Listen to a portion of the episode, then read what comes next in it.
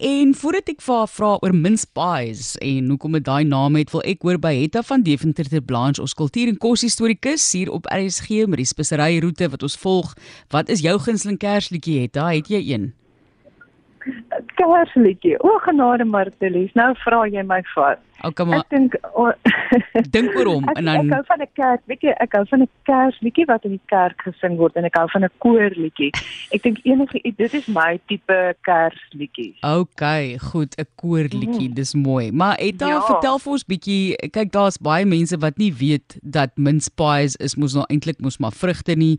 Daai tipe van ding. Hoekom praat ons van mince pies en natuurlik die verskillende speserye wat gebruik word in hierdie kers tradisionele kersetes. Wil mense eintlik sê dis mense sien nie eintlik mince pies ander dele van die jaar nie. Ja, nee, hierdie tyd van jaar verskyn daar altyd mince pies op die rak en ehm um, dit dit is altyd vir my so interessant. Ek sien deesdae hulle skryf op die die etikette sê fruit mince pies. Ek het dit nog nooit in Afrikaans gesien nie. Maar weet jy dit het alles met die geskiedenis te doen. Ehm um, 'n mince pie kom uit eh, kom uit 'n baie ouer tradisie dit bestaan dat ek net eers verduidelik vir die mense wat nou nie weet wat 'n pie is. Ons praat nou nie van 'n maalvleispastei, ons praat van Kersfees mince pie. Ehm um, en ek noem hom nou maar Engels want ek sien altyd dit in Engels. Is 'n mengsel van speserye, gedroogde vrugte soos uh, jy weet sultanas en daai tipe van sultanas rosientjies, miskien 'n uh, paar dadels, gedroogde sitrusskal en dan is daar baie keer ook ook 'n bietjie neute in 'n kleinerige pasteitjies met 'n soetdeegie. En dit het, dit kom uit dieselfde. Ons praat ook van 'n prime pudding en dan dan eers prime maar dit dit kom uit die geskiedenis uit wat gebeur het. Ehm um, so ons het al voorheen daaroor gepraat is dat die ehm um, dit die in die 1600 het uh, kos ontsettend baie verander. Maar voor dit is baie is hierdie mince pies en ook die gestoofde pruim pudding waar ek nou vinnig verwys het wat nie, nie pruime in het nie. Ehm um, wat dit tradisioneel veral in die Engels uh, of in Engeland bedien word. Baie van my uh, ek ken ook nog baie van die ouer mense wat 'n plum pudding of 'n pruim pudding of 'n nierpudding, niervet pudding bedien. Dit was oorspronklik eintlik net 'n dik stoofsel en daai stoofsel is 'n potage genoem. Jy weet so 'n loperige pap eintlik gewees. En ehm um, dit het, dit het baie groot uh, verskeidenheid bestanddele in bevat en daar het die vleis ingekom, maar dit het bes, uh, ook ehm um, groente soos wortelgroente en speserye, al daai lekker kersie speserye, kaneel en ge gemmer en die dinge wat ons ken met Kersfees en ek assosieer, maar ook graan en dan plums, soos hulle in Engels sou sê, maar die plums of pruime het dit was in die volksmond het hulle na enige gedroogde vrugte aanvanklik verwys as plums. Of dit nou 'n vy was en daarom kry ons ook 'n pudding wat 'n figgy pudding genoem word wat eintlik ook uit droë vrugte bestaan want dit kom nog uit hierdie ou eeue oue geskiedenis uit. En dit is so lekker vir my as ek dit sien.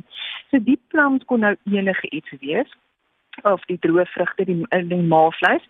En dan is dit nou om die, om die potage te verryk ehm um, is, is wat veral vir die feestafels in die hoë lei ehm um, het hulle dan nou ook ehm um, jy weet duurder bestanddele soos speserye ingesit.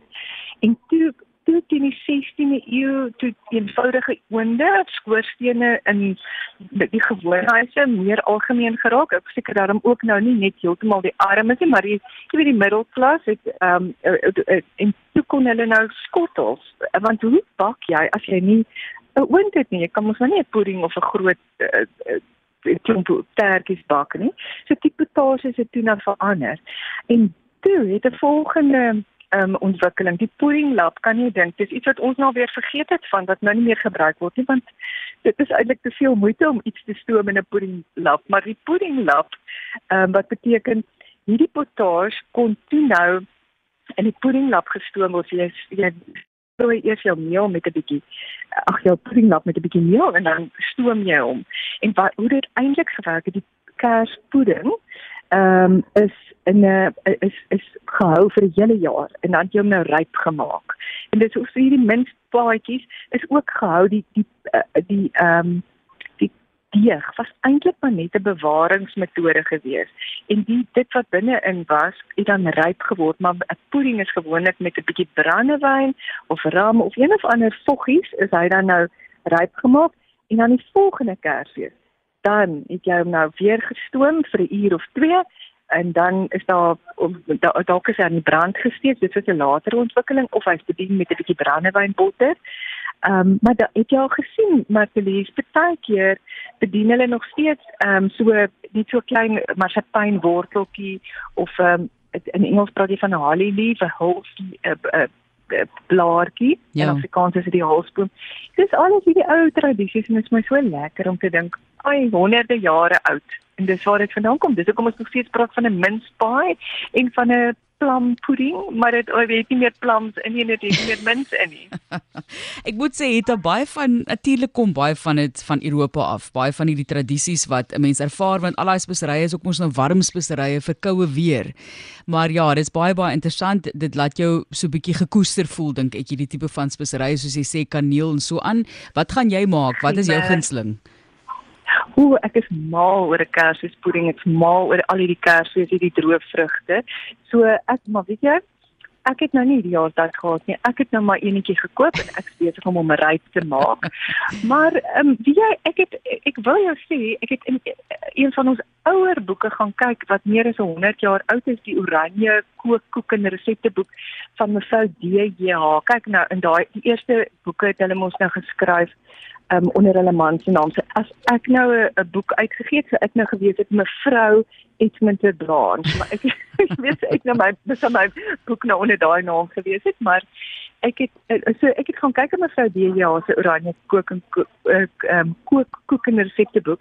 Daar is 10 verskillende resepte vir Kersfees plampudding. En sy het hom net so geskryf, Kersfees plampudding, want hulle het net so Engels Afrikaans geskryf en daai boek is meer as 100 jaar oud. Sure. En sewe vir net plampudding, waarin sy dan, o, ek het vergeet om vir jou te sê, weet jy wat het later ingekom is die muurvet en uh, ons gebruik nou eintlik nie meer die niervet maar jy moet as jy 'n regte agter Kerspudding wil bak ja. moet jy 'n bietjie niervet insit anders raak dit te koekerig. Jy weet die, die koek die hy raak te lig sy sy sy ehm um, tekstuur. Ja ons hoekom swaar swaar diep en lekker. Hetta baie baie dankie.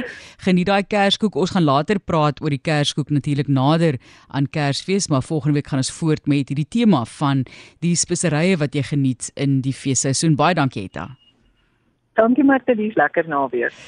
Sulke interessante geskiedenisse natuurlik. Sy soek ook daai ouer boeke en kontak haar asseblief indien jy van hierdie boeke het want al is dit iets wat jou ma byvoorbeeld opgeteken het of jou ouma opgeteken het.